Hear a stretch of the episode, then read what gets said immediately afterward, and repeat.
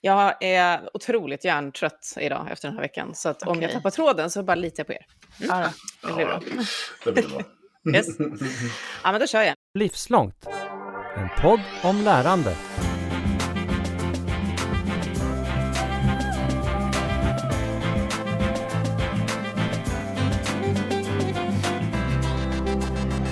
Det är ganska spännande det här att podda med dig, Lars Lingman, på många olika sätt. Men Asså? inte minst för att du är chef, och inte bara chef, utan du är min chef. och så pratar vi nästan varje vecka om vilka förutsättningar som behöver finnas på en arbetsplats och vad som krävs Mm. av ledarskapet och allt möjligt sånt. Hur känns det att få alla de där råden och, och inputen, tycker du? Ja, jag har ju pratat tidigare om att jag måste sitta i ångestmolnet. Det var en kompis som sa det till mig någon gång. ja, det är ju det är tveeggat svärd för oss båda. För dig måste det ju vara som ett evigt medarbetarsamtal, tänker jag. Faktiskt.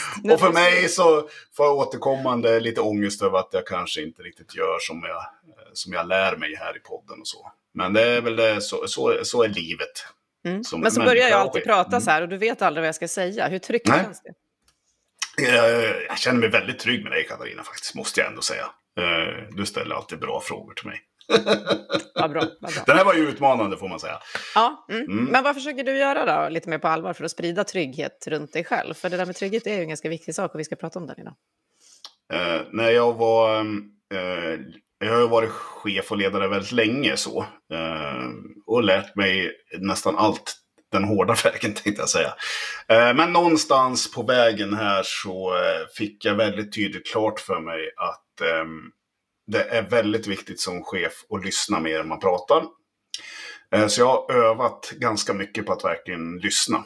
Eh, Och eh, faktiskt i en händelse bakåt i tiden också fick rådet att du ska lyssna med ögonen. I väldigt mycket större utsträckning än jag kanske gör med öronen. Alltså titta på människan. Se på kroppsspråket, se på ögonen, se på leenden, eh, se på blickar. Eh, Sådana saker. Och det tyckte jag var ett väldigt eh, gott råd faktiskt. Men jag försöker ha med mig. Lite så. Mm. Fint. Men det där lyssna, att känna att man blir lyssnad på eh, tror jag är ett sätt att skapa trygghet. Spännande. Jag hade en coachlärare när jag utbildade mig som, som hade fått höra själv att han måste ha snällare ögon. Han var så fokuserad så han tittade så här väldigt, väldigt fokuserat på den han coachade som blev rädd. Okej, men då sparkar vi igång. Jag heter Katarina Pietschak, det här är podden Livslångt och veckans gäst är du, Frida Skog. Hej och välkommen! Hej, tack. Vad roligt Du att är- höra ert intro här. Ja, eller hur? Du kan Ja. sitta och lyssna på det en halvtimme nu och sen så kan du analysera det kanske. Du är organisationskonsult och legitimerad psykolog på Sandal Partners i Stockholm. Ehm, du ska få berätta lite mer om vad det betyder och vem du är. Men hur trygg är du just nu på en skala? Eh, Åh, vilken bra fråga. Eh, det var bra med det där med en skala. Jag tänker psykologer jobbar mycket med skalor. Man pratar om smärtskala och liksom ångestskala och nedstämdhetsskala. Och, ja, men om, om, vadå, om 10 är så trygg som man kan bli och 1 är fullkomligt vettskrämd. Ja, men en sån där härligt utvecklande 5-6 kanske. Det är bra. Det är bra. Det känns ändå bra att det inte är lägre än så. Eller en etta hade varit väldigt jobbigt. Ja, exakt. Tio hade också varit lite konstigt faktiskt. Men du slår mig ändå som en trygg person, det lilla jag har sett av dig. så. Måste man vara det för att vara psykolog? Ehm, nej. Men jag tror man måste vara medveten.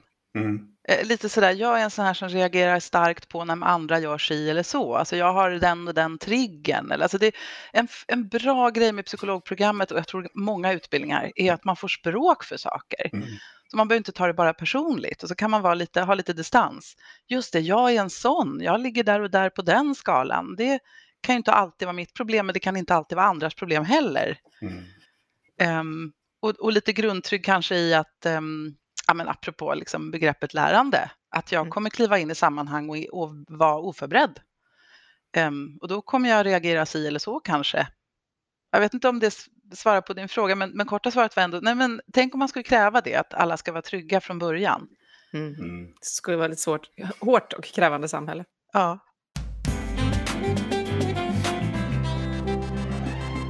Men du gjorde en så fin eh, radioövergång själv då till lärande. Så eh, vem, vem är du lite mer än din titel och hur skulle du säga att du jobbar med lärande i din vardag ändå?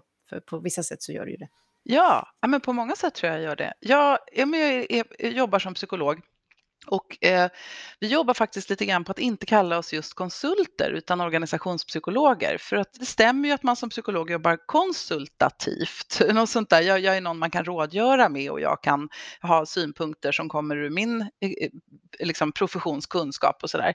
Men, men det är också någonting som låter väldigt utifrån och kanske ovanifrån i det där ordet konsult. Det kommer in en expert som säger gör så här så blir allt bra eller gör inte så där. Och det kopplar ju också till lärande att det är inte en riktigt bra lärandeposition att vänta sig att en psykolog kommer in och säger eh, ställ skåpet här så kommer allt ordna sig. Mm. Och vart är jag på väg med det här? Jo, men um, ja, jag jobbar på ett litet konsultföretag uh, och konsult just för att avtalsmässigt för det mesta är det. Vi kommer utifrån, vi hjälper till med, med någonting och sen förr eller senare så lämnar ju vi oavsett om det är en dag vi ska jobba med en grupp eller fem år vi ska jobba med en hel organisation, men vid någon punkt så ska ju vi gå. Ehm, men vi är 15 psykologer i Stockholm vi finns på tre platser, på Gotland och i Örebro, men i Stockholm är vi 15 eh, psykologer. Då. Och så jobbar vi alltid utifrån vad en organisation behöver just nu. Och sen om det är en individcoaching eller ett krissamtal eller en grupputveckling eller ett jättestort medarbetarprogram med flera hundra personer eller en motivationsföreläsning, alltså det är ju, det är ett, ett, ett jättespann. Mm. Jag måste ställa en fråga. Det du var inne på lite grann där i början, det måste ju vara jag kan bara tänka mig när man jobbar som psykolog och så hör man någon beskriva utmaningar, problem eller så. Och så kanske man måste sitta lite grann i det och låta den fundera ut. Men man egentligen vill bara säga, gör så här. Ja, just det, hejda sin expertimpuls. Ja. Eh, hela tiden måste jag ja, det. Jag förstår. tror att det gäller jättemånga. Jag tror att det kan gälla liksom mm. två kompisar som pratar också. Jaha, mm. du är ledsen, men du, jag har också varit ledsen och då tycker jag du ska göra så här. Jag tror att ja, vi i jättemånga lägen har expertimpulser och svarsimpulser för att vi vill, liksom, mm. vi vill hemskt gärna hjälpa. Mm. mm. Och, och, att, och det där med att lyssna med ögonen, det är liksom bra för att eh, och, och räkna till tre innan jag och, och, kanske börja, när jag väl bestämmer mig för att liksom säga någonting, sluta lyssna och säga något, då, ska det helst vara kanske en spegling först. Okej, okay, du, du, mm. det här, så här låter det här som du säger, det låter så här för mig. Fattade jag rätt? Och sen kanske en fråga. Varför är det där med spegling så krav... Det har jag också liksom fått lära mig på vägen någonstans. Men var, varför fungerar det? Hur, varför fungerar det att bara återberätta det någon precis har berättat? Jag har hört några av era andra gäster, bland annat Henrik, Bränd, Henrik Brändén som väl är jag vet inte, molekylärbiolog. Ja, just det. Men han ja. pratar just om hjärnan och ni har säkert haft fler gäster som har gjort det, men delvis mm. är det ju, om jag förstår det rätt, rent neurologiskt kraftfullt. Okay. För att den som säger något hör ju inte riktigt vad den själv säger, bara lite, version 1. Liksom. Men när den får det tillbaka speglat, då får hjärnan höra det en gång till. Och du som speglar får höra det en gång till.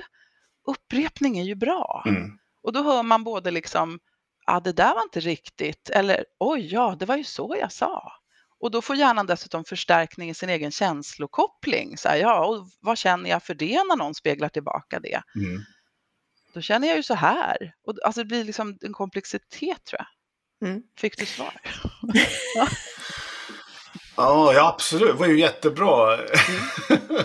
Superbra. Ja, men det där ska man nog använda jättemycket i alla möjliga situationer. Ja, jag tror det. Och jag och jag är ju också en vän av att liksom lite metakommentera om jag kör fast, att säga så här, du jag har svårt att hänga med nu för det var mycket och jag blir lite upptagen av att jag vill ge dig råd. Får jag ja. testa och spegla får vi se om jag åtminstone har förstått vad du säger. Ja, smart. Så man köper sig också, liksom, man köper samtalet lite lugn och lite tid. Du låter precis som en psykolog. Ja, massa råd här trillar in till dig och oss. Jag vet inte om det är en komplimang.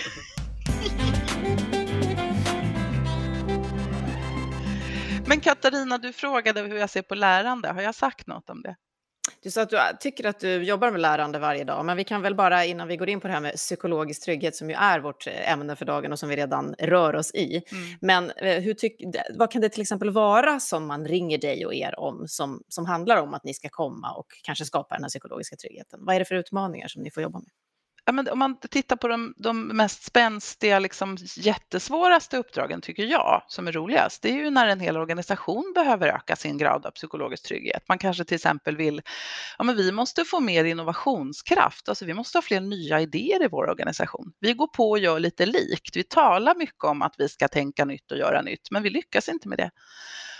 Och, och, så kan man, då, kan man jobba med oss och då kan, då kan vi vara så lite näpsiga och säga att hörni, det tar tid och så måste ni jobba med jättesmå mikrobeteenden och vanor och så måste vi jobba med hela organisationen. Så jag skulle vilja börja med er högsta ledning.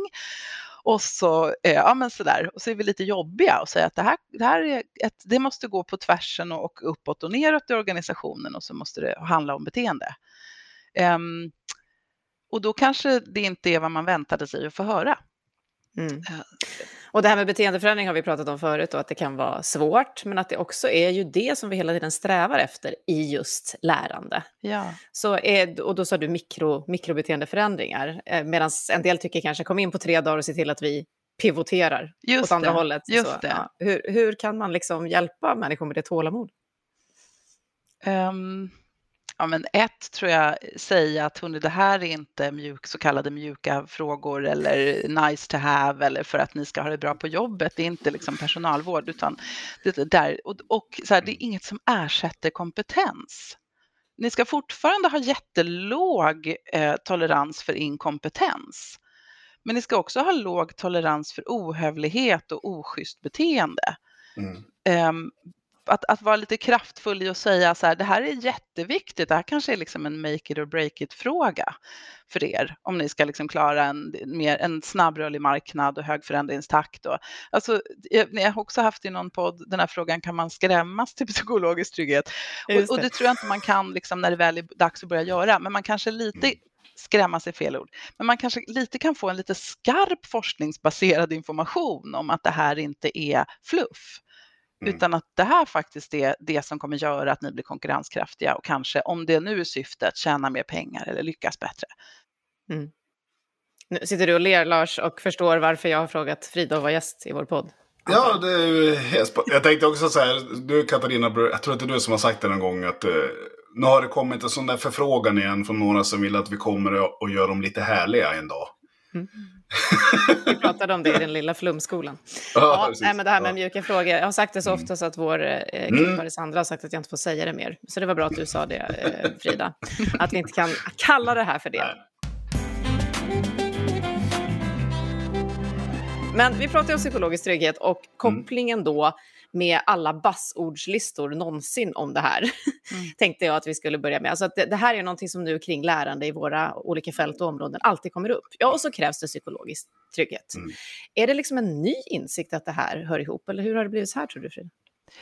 Eh, jag tror inte alls det är en ny insikt, men det går ju trender liksom och så kommer det upp eh, någon populärvetenskaplig version av, en, av, ett, av ett isberg under ytan av massa gedigen mm. forskning och så kommer det liksom någonting som når igenom bruset. Och jag tror att psykologisk trygghet nådde igenom bruset tack vare Googles stora Aristoteles-studie mm. och Amy Edmondsons böcker. Förlåt om jag namedroppar här, men jag vet att ni har haft det uppe förut. Mm. Det, det är ett sätt att skapa psykologisk otrygghet. Det är ju att namedroppa en massa hänvisningar till forskning. Trestaviga förkortningar, precis. Exakt, sådär. Som alla vet så. Ja, så, ja. så ähm, äh, jag ber om mm. ursäkt för det. Men, men jag tror att det, det nådde igenom bruset precis vid rätt tillfälle när vi började liksom behöva det här igen. Och det tror jag har mm. äh, med, med liksom, äh, accelerationssamhället att göra och med ähm, att så många organisationer är ganska svårorienterade det idag. Och så kommer det fortsätta vara. Du kommer att ha så snabb förändring av dina mål så att du hinner inte vänta till nästa medarbetarsamtal eller nästa gruppmöte ens en gång. Utan du kanske måste gå och prata med någon nu. Och då får du inte vara för rädd för hierarkiska gränser eller att du inte känner någon på den avdelningen. Eller, för att vi, vi kan inte vänta tills vi har byggt en massa relationer utan vi måste bygga dem um, här, här och nu. Så mm. jag tror delvis det. Så nej, det är inte nytt, men jag tror att det ökar i betydelse. Och du var inne lite grann på vissa små, du sa att man måste ha en låg tolerans mot ohövlighet till exempel. Kan vi definiera den psykologiska tryggheten lite, tryggheten lite mer? Alltså om jag kommer in i ett sammanhang där jag mm. känner att det är psykologiskt tryggt, hur ser jag det? Vilka markörer finns? Um, ja, det där är en jättespännande fråga. Jag tror, um, man ser ju man ser det på när man har studerat det. Det är lättare förstås att svara på när ser man att det inte finns, men vi kanske kommer dit. Men så här, så här alla som har läst en Bamse-tidning vet hur det ser ut. Eh, alltså ja. folk klickar lite mindre vid lunchbord. Man ser att folk pratar med nya, kanske sitter med dem mm. de inte känner. Eh, så här saker som man lärde sig på förskolan. Eh, mm. man, man, har liksom jämnare talartid, man tittar på varann. Man, det är inga problem om någon som har en expertpunkt på något sätt i en agenda tar det med lite kraft. Men sen ser man att den där personen skiftar och blir medlem igen. Mm. Släpper, ja det där var min punkt, men nu ska vi samskapa eller vad vi nu ska göra. Och så ser man det på att känslor får plats men de tar inte över. Alltså att man kan säga vid incheckningen till exempel att um, ja, men jag kämpar med min ork idag för det här och det här har hänt mig i natt eller igår. Eller så mm. Och sen släpper jag det för sen äger gruppen den informationen. Liksom. Mm. Det, så vi behöver inte fastna i oj stackars dig och berätta mer. Um, nej, men nu vet vi det och det var bra data för oss. Liksom. Mm.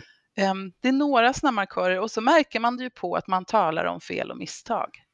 Ja, för det var precis vad jag började förstås tänka på. Det, det kommer ju upp så ofta här att vi behöver en kultur som tillåter en att göra fel. Ja. Och det är ytterligare en sån sak som är lätt att säga eller skriva ja. i någon värdering. Men, men vad är det för beteenden som gör att jag känner att det var okej att göra fel eller säga fel?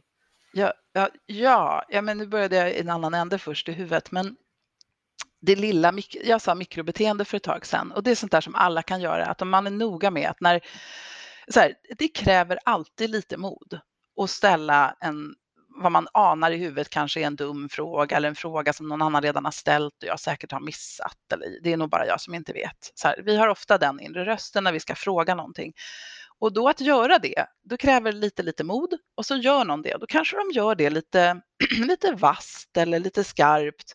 Och då gäller det att alla i, i sammanhanget, i synnerhet ledaren, men alla, att man liksom håll kvar öppna uttrycket, höj inte ena ögonbrynet, vänta inte fem sekunder, vänta max en och en halv innan du säger så här, bra att du frågar.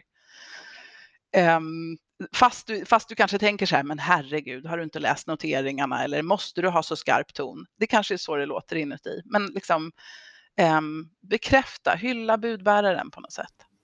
Mm. Kan, jag funderar på en sak, när ni, när ni använder begreppet fel. Och en vanlig sak som vi, jag får höra ibland, och jag tror att ni har hört också. Hos oss ska det vara okej okay att misslyckas. Det säger alla så här. Jag har väl en bild av så att de allra flesta människor är livrädda för att misslyckas. Ja. Och att bara uttrycka sig på det viset gör att det liksom är kontraproduktivt. Och det, ja. det är sällan de som uttrycker det på det viset eller som har den där kulturen kan jag känna lite grann.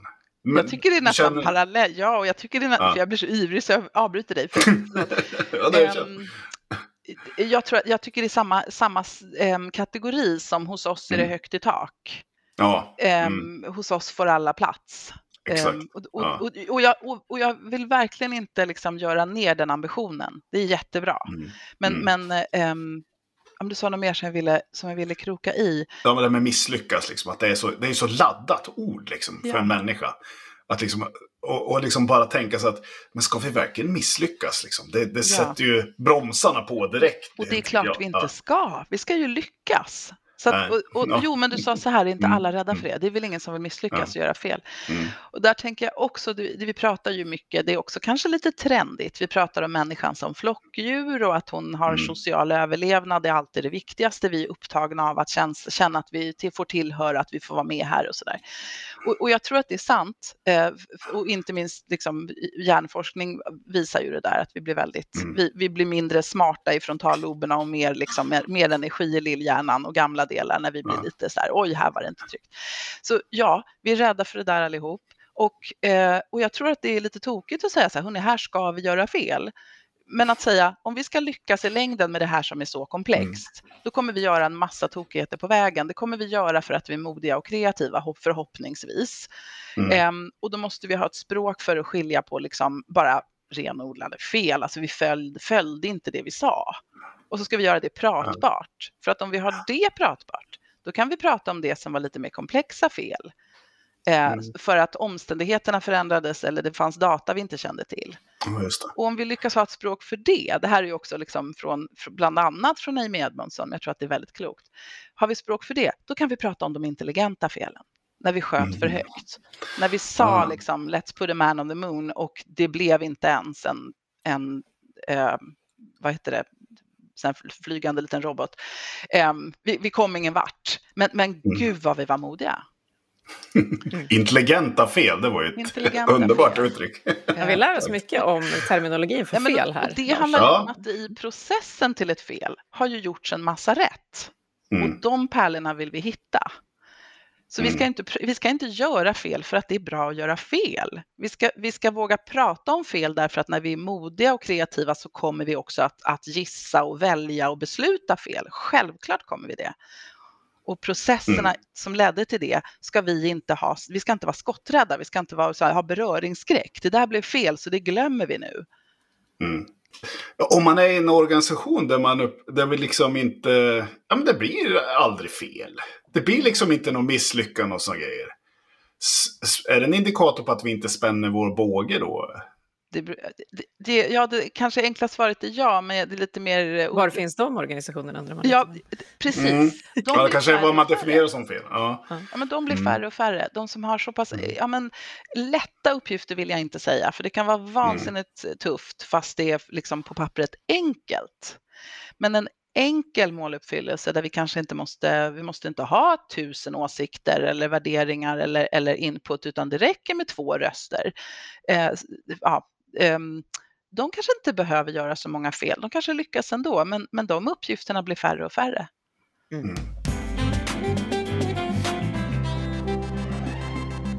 Du var inne på rädsla och att eh, då motsatsen som du sa, det kanske är lättare att säga vad som inte kännetecknar en psykologiskt trygg eh, ja, miljö runt en och så. V vad kan rädsla vara i en, i en arbetsmiljö? Liksom? Vad är det som, som gör att vi blir rädda? Vad är det för beteenden och sammanhang? Ja, men här blir det kanske lite nedslående, för att det är ganska små beteenden. Oh, um, och, och, det är inte lika mycket psykologisk trygghetsforskning som hövlighetsforskning, civility eller incivility. Och, och, och där är det så här, att bevittna ohövlighet gör att vi blir rädda. Att jag hör att någon tar, som höjer tonen lite och, och um, så där vill jag inte att du gör igen. Så här, det behöver inte ens vara skrik eller våld eller inte ens, men det får det absolut inte vara. Men, men alltså, det behöver inte vara grovt. Det kan vara en mild ohövlighet och så bevittnar jag den.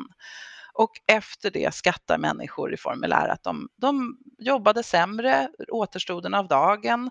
De grubblade över det de hade sett länge och 10-12 procent svarar min första tanke var jag måste säga upp mig. Sen pratade jag ner mig från den klippavsatsen, mm. men det var min första tanke. Här kan man inte vara. Så mm. tyvärr så har vi, vi är känsliga för ohövlighet. Mm. Um, jag, jag, frågar åt en kompis här. Vad är det värsta en ledare kan göra? Eller vad är det vanligaste misstaget? Um, ja, de två, de två är väldigt olika, men, men det vanligaste tror jag som jag tror att jag trillar dit på, jag vet inte hur många gånger, det är faktiskt att jag låter min stress och uppgiftsdrift liksom, ta över när någonting händer i ett samtal eller ett möte. Alltså någon behöver mer tid eller har en fråga. Jag, jag hamnar själv i det där, men herregud, vi måste gå vidare nu. Och så mm. bestraffar jag det lite oavsiktligt med min ton eller jag går i försvar eller jag väntar för länge med att bekräfta. Och, och, så brukar jag i och för sig, jag är så tränad nu så att jag hoppas att jag ofta lyckas fånga upp det och säga oj, jag hörde vad jag gjorde nu hörni. Liksom. Ja. Men det tror jag är det vanligaste det, och det är ju drivet av att man, man är på ja. målriktningen. Ja. Vi ska hinna i mål. Känner du igen det här Lars på något sätt? Eller? Är det feedback nu till mig, Katarina? Hur stort är ångestmoln? då, då tycker jag feedbacken var lite vag om det var det. vi ska inte ha dem. Vi ska, det här ska inte vara ett medarbetarsamtal. Nej, men jag tänker att jag också som processledare och facilitator mm. så också hamnat i det där många gånger. Och programledare. Mm. Hur mycket ska jag driva på processen? För att vi ja. hade ju ett mål. Och hur mycket ska jag mm. låta processen ta plats? För den är viktig. Och det där med mål funderar jag över då, Frida. Mm. Alla pratar ju idag om målorienterat. Vi måste veta vart vi ska. Och, och, och samtidigt lever vi i en otroligt rörig värld. Ja. Hur bra är det att jobba med mål? Eh, jag tror att det är helt avgörande, men jag tror att vi gör det mycket större än det behöver vara sitter du i ett möte och i början det är oklart vad målet är, då måste man kunna fråga och så måste den som leder mötet kunna säga då så här, var lite jag hade en lärare på min yrkesutbildning som sa att man måste vara en förebild i imperfektion ibland. Eh, och då, så då kan man som det bästa man kan göra där som ledare så här, ja just det, vi har inte formulerat ett mål. Eh, jag är liksom med, med då budskapet inte heller jag gör allt rätt hela tiden. eh, vad är ett bra mål för den här timmen vi har? Och ofta mm. så sätter vi det där målet alldeles för ambitiöst. Så måste vi också ha någon röst som säger det där låter inte som något man hinner på en timme. Um, vad är realistiskt? Så jag tycker vi ska målarbeta hela tiden, men vi ska göra det på, i verkligheten så här, med förutsättningarna vi har. Och så vet vi att så här, första fem minuterna checkar vi förmodligen in för att komma på plats allihop och sista fem minuterna utvärderar vi ju. Och fem minuter före det ska vi förmodligen säga vad som beslutades och vad vi inte hann och vem som tar vilken puck efter idag. Så att eh, mm. en timme var inte en timme utan det var 40. Och vad hinner vi på det då? Så, så att liksom, man ska måljobba hela tiden men, men här och nu.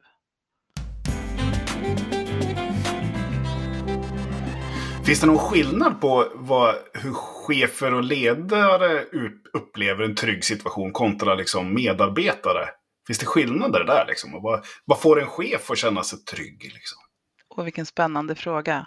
Ja, men på den på den första tänker jag ja, därför att man missar, vi, vi, jag tycker också det, det kanske är ett skandinaviskt snedstreck eh, svenskt eh, fenomen, men vi tänker ofta oss om, om, oss själva att vi är platta i vår, i vår organisation mm. på något sätt, att vi, eh, vi är inte styrda av status och hierarki och sådär, men, men, men mm. flockdjuret i oss är ju det. Det vill säga, säger chefen en sak så väger det tyngre än det någon annan säger. Mm. Och som chef ska man ju ha lite balkong eller ballongperspektiv. Man ska lyssna på skogen framför varje enskilt träd ibland. Kolla vart är mm. gruppen på väg och hur har den det nu liksom. Det vill säga mm. du, du, du kommer ha ett ovanifrån perspektiv och ska ha det i mångt och mycket inte på ett kyligt sätt, men liksom, det vill säga att du kommer som ledare känna av någonting annat än de som är träden i skogen. Jag famlar här med mina liknelser, men som medarbetare kommer du uppleva någonting annat. En sak som jag fick till mig också någonstans på vägen här i livet, det var ju där eh, det var någon som sa till mig, Lars, den största förväntning som dina eh, anställda och medarbetare har på dig, det är att du ska vara chef. Mm.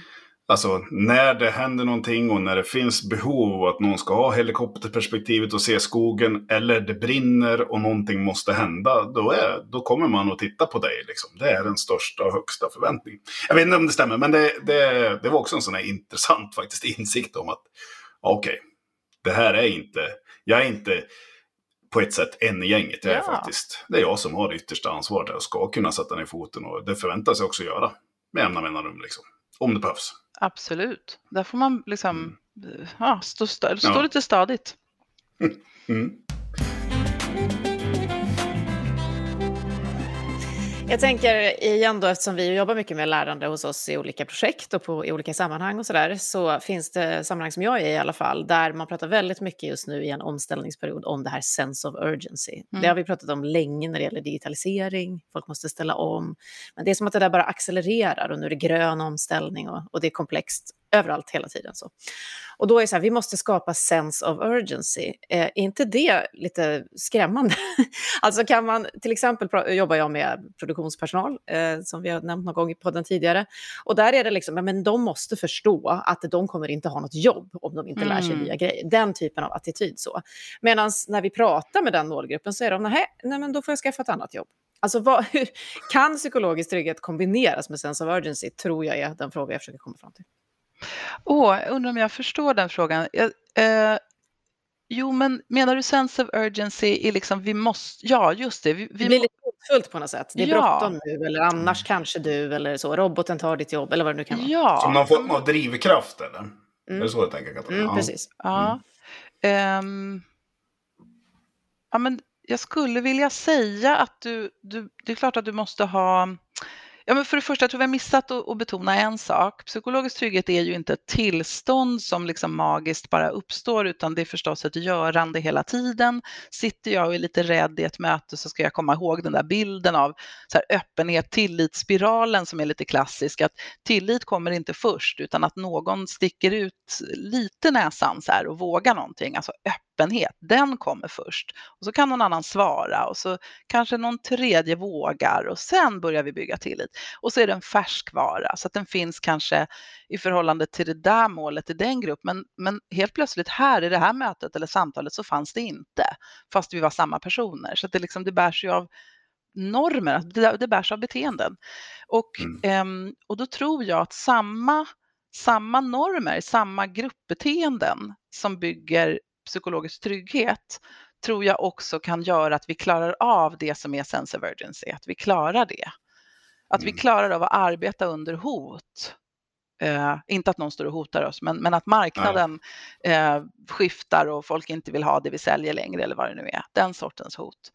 Eh, det klarar vi bättre om vi Um, om någon säger så här, hörni, vi låter alldeles för eniga, det här är en för komplex uppgift, jag tror att vi är otrygga just nu. Mm. Uh, annars skulle fler ha sagt att de inte höll med. Finns det fler sådana här kopplingar? Om man bygger den här tryggheten, liksom, vad, vad, får det för effekt? Vad har man kunnat se? Att det, hur påverkar det liksom, företaget? Vad får det för effekter? Liksom? Men det får goda effekter. Man, man ser, ja. men det är därför jag säger lite så här, det är inte good to have utan need to have eftersom man ser mm. att de företagen har färre missöden, olyckor, rapporterade allvarliga avvikelser därför att de pratar om avvikelser som rutin och mm. krattar för att det inte ska hända igen och så där. Så, så liksom fär, fler rapporterade missöden och fel, men färre riktigt stora katastrofer. Mm. Eh, man ser att man, man tjänar mer pengar. Det är ju en bra grej om det är det som är syftet med verksamheten. Då kan man också göra mer spännande saker.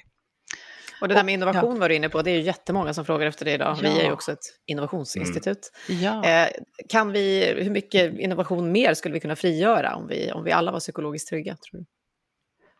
Um, ja, men jag vill säga så här, varför skulle det finnas en gräns för det? O oändligt. Um, men, men igen, så här, det, det, är ett, psykologisk trygghet är beteendeburet och det är en färskvara så att vi får jobba på det hela tiden. Mm.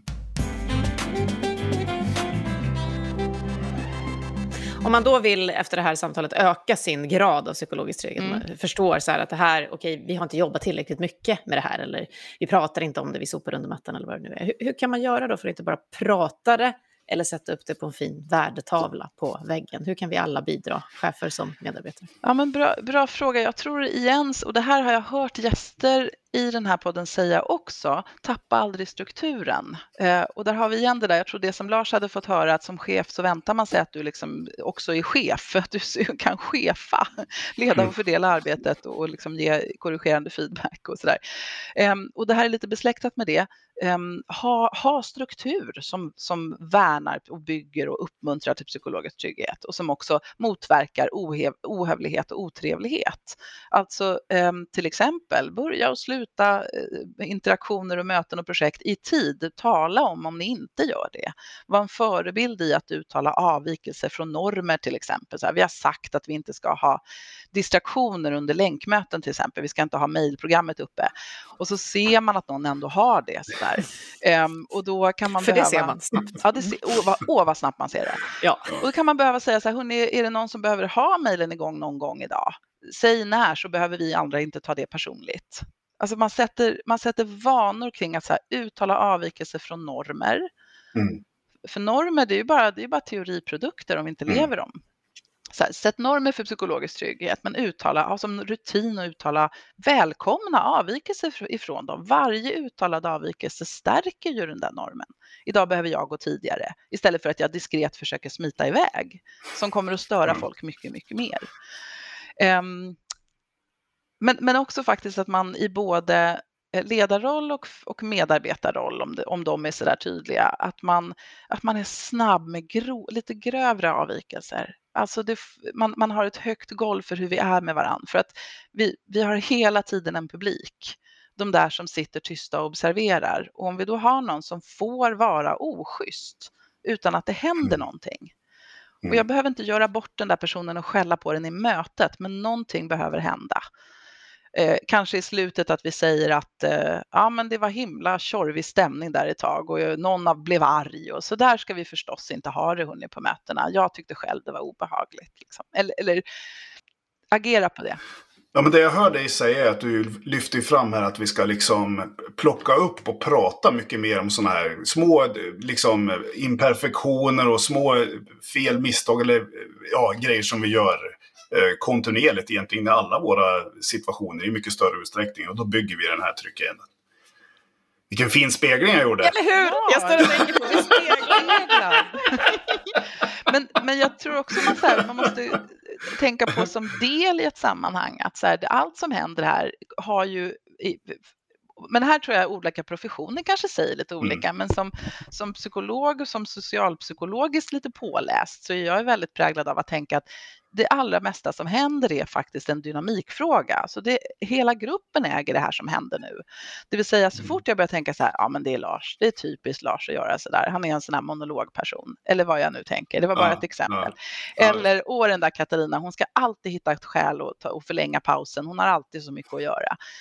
Mm. Och det blir alltid mitt problem. Också bara ett exempel att vi liksom istället tänker så här, vad är det i våra strukturer och vår kultur och sättet vi pratar med varandra som gör att jag sätter Lars i det där personfacket eller Katarina?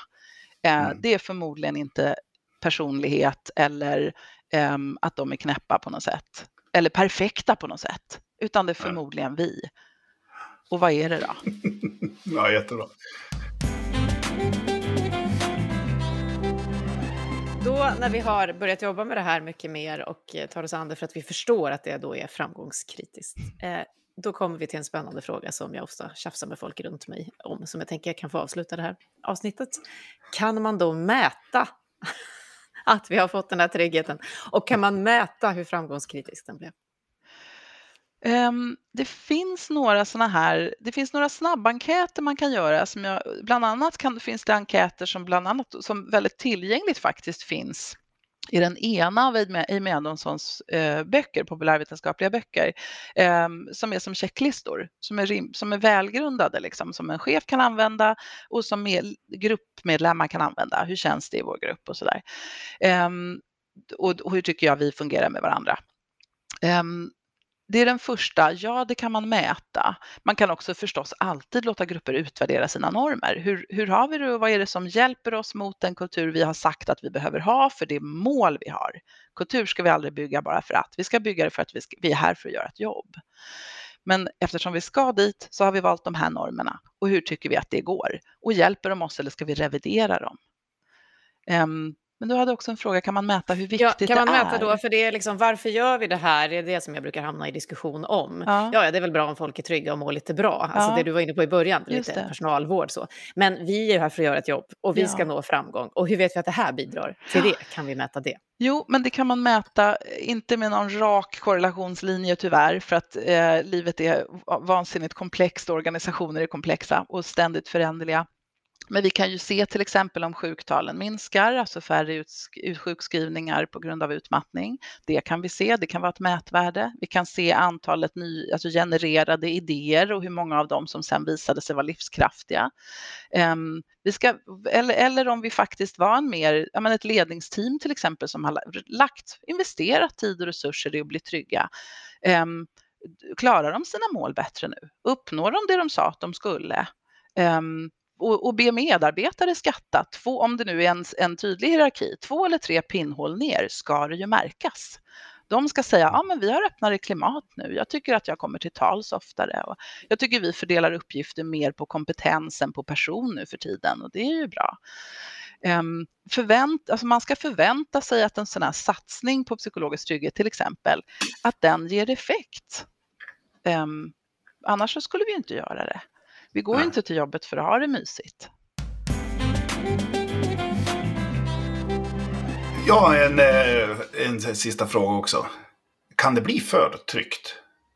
Um, inte om man helt vet vad begreppet betyder, men man pratar också om den här komfortzonen där man mest har mm. det mysigt och, och pratar om ja. annat på mötena.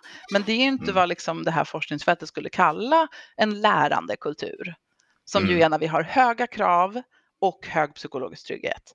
Men ibland pratar man om det där tillståndet man har låga krav och hög psykologisk trygghet. Man behöver inte göra, ha så mycket output.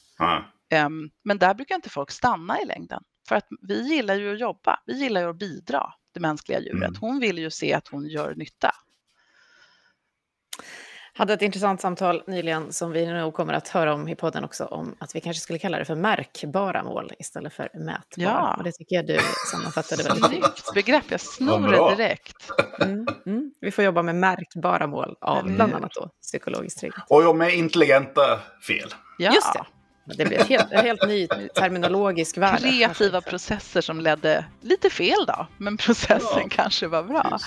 Just det. Som i matematiken i skolan. Du räknade rätt men svaret blev fel. Just det, ja. exakt så. Vi tar med oss det. Vi fortsätter bygga psykologisk trygghet hos oss, Lars. Och vi hoppas att alla fick med sig lite kring vad det här nu egentligen är för något på bassordslistan som folk pratar om. Stort tack för det, Frida Skog från Sandal Partners, för att du hjälpte oss att reda ut. Jätteroligt att ha dig här. Tack för att jag fick vara med. Hej, hej. Hej! Och nu eftersnacket. Superbra! Känns det som att du fick sagt det som du hade tänkt? Eller har du någonting som ligger i bakhuvudet och gnager och sådär som du säger, det här? Uh, gud, ja men tusen, nej jag tycker inte alls jag fick sagt det, men det tycker jag aldrig. Det är den där Det får som... man ju aldrig på en halvtimme. Det här, var, det här var jättebra tycker jag. Det här var antecknat febrilt. Där. Ja, jag såg det. Man ser ju som sagt, jag ser att du sitter och skriver för hand. Ja. Ser jag. Det är ett otroligt ja. roligt ämne. Jag hade någon mm. ambition att jag också skulle komma in på det där med dynamiskt mindset eller growth mindset, men jag tänker att ni säkert ja. har haft avsnitt om det. Men, men lite så här besläktat att vi kan, vi kan stå och säga så här, nu ska vi vara flexibla och dynamiska i vårt mindset. Och det är lika fåfängt som att säga nu ska vi sluta vara rasister så här, det ska vi inte vara längre. Eller vi ska sluta vara fördomsfulla på andra sätt. Så här, det, det, funkar inte så. så här, människan gillar att tänka som hon har tänkt förut, så det måste vi förhålla mm. oss till. Och mm. människan reagerar på olikhet och då om det är någon som inte har samma utbildning som jag eller som ser annorlunda ut än jag. Vi kommer fortsätta reagera på det hela våra liv. Eh, och, vi kan, och vi kan liksom inte så här, brännmärka varandra för det. Mm. Den, den hade jag någon idé att jag, vi skulle komma in på. Men... Ja, nu är den inspelad. Nej! det, lite... det du säger kring growth mindset är att man skulle kunna översätta det då till att ja, men vi, vi är inte psykologiskt trygga för att vi säger det än, Nej. men vi kan jobba på det. Mm. Ja. Mm. Nu speglade du sådär bra, Katarina. Ja, gud vad, ja eller jag försökte förstå. Förstod jag det rätt? Ja, ja. Men, men däremot har jag en fråga till er som kanske har lite bättre, ni har gjort så många poddar så mm. ni kanske har lite bättre mm. simultanlyssnande än vad jag har som bara så här, och jag undrar vad jag säger nu. Det gör man alltid. Jag med. Hur var den här balansen med um, ja, men namedropping och akademi. Nej, nej, nej, jättebra. Nej, jättebra. inga problem. Ah. Det är så här, det är väldigt många, ja, det är väldigt många som vill läsa vidare. Så det är jättebra att få den typen av ingångar. Ah. jag tänkte också att jag lägger problem. ut Amy ja. Edmondsons eh, alltså namn och titel i texten. Ja, men jättebra. Mm. Så att man kan liksom... Och, och det, den mm. bok och den, den, det forskarnamn som jag står mest på när det gäller ohövlighet, det är Christine Porat som ni Jaha. kanske har stött på. Ja, känner igen svagt. Hon har mm. skrivit en bok som heter Mastering Civility och har ett TED-talk. Det brukar ju vara jättebra som översikt. Det skulle jag rekommendera. Hon, hon gestaltar det där jättefint, varför det är viktigt. Ja, jättekul att okay. få lite tips att gå vidare med. Mm. Toppen. Bra. Tack så mycket. Super. Bra. Du har just hört Livslångt, en podd från RISE om allt det där man lär sig i livet. Vi hörs om en vecka igen.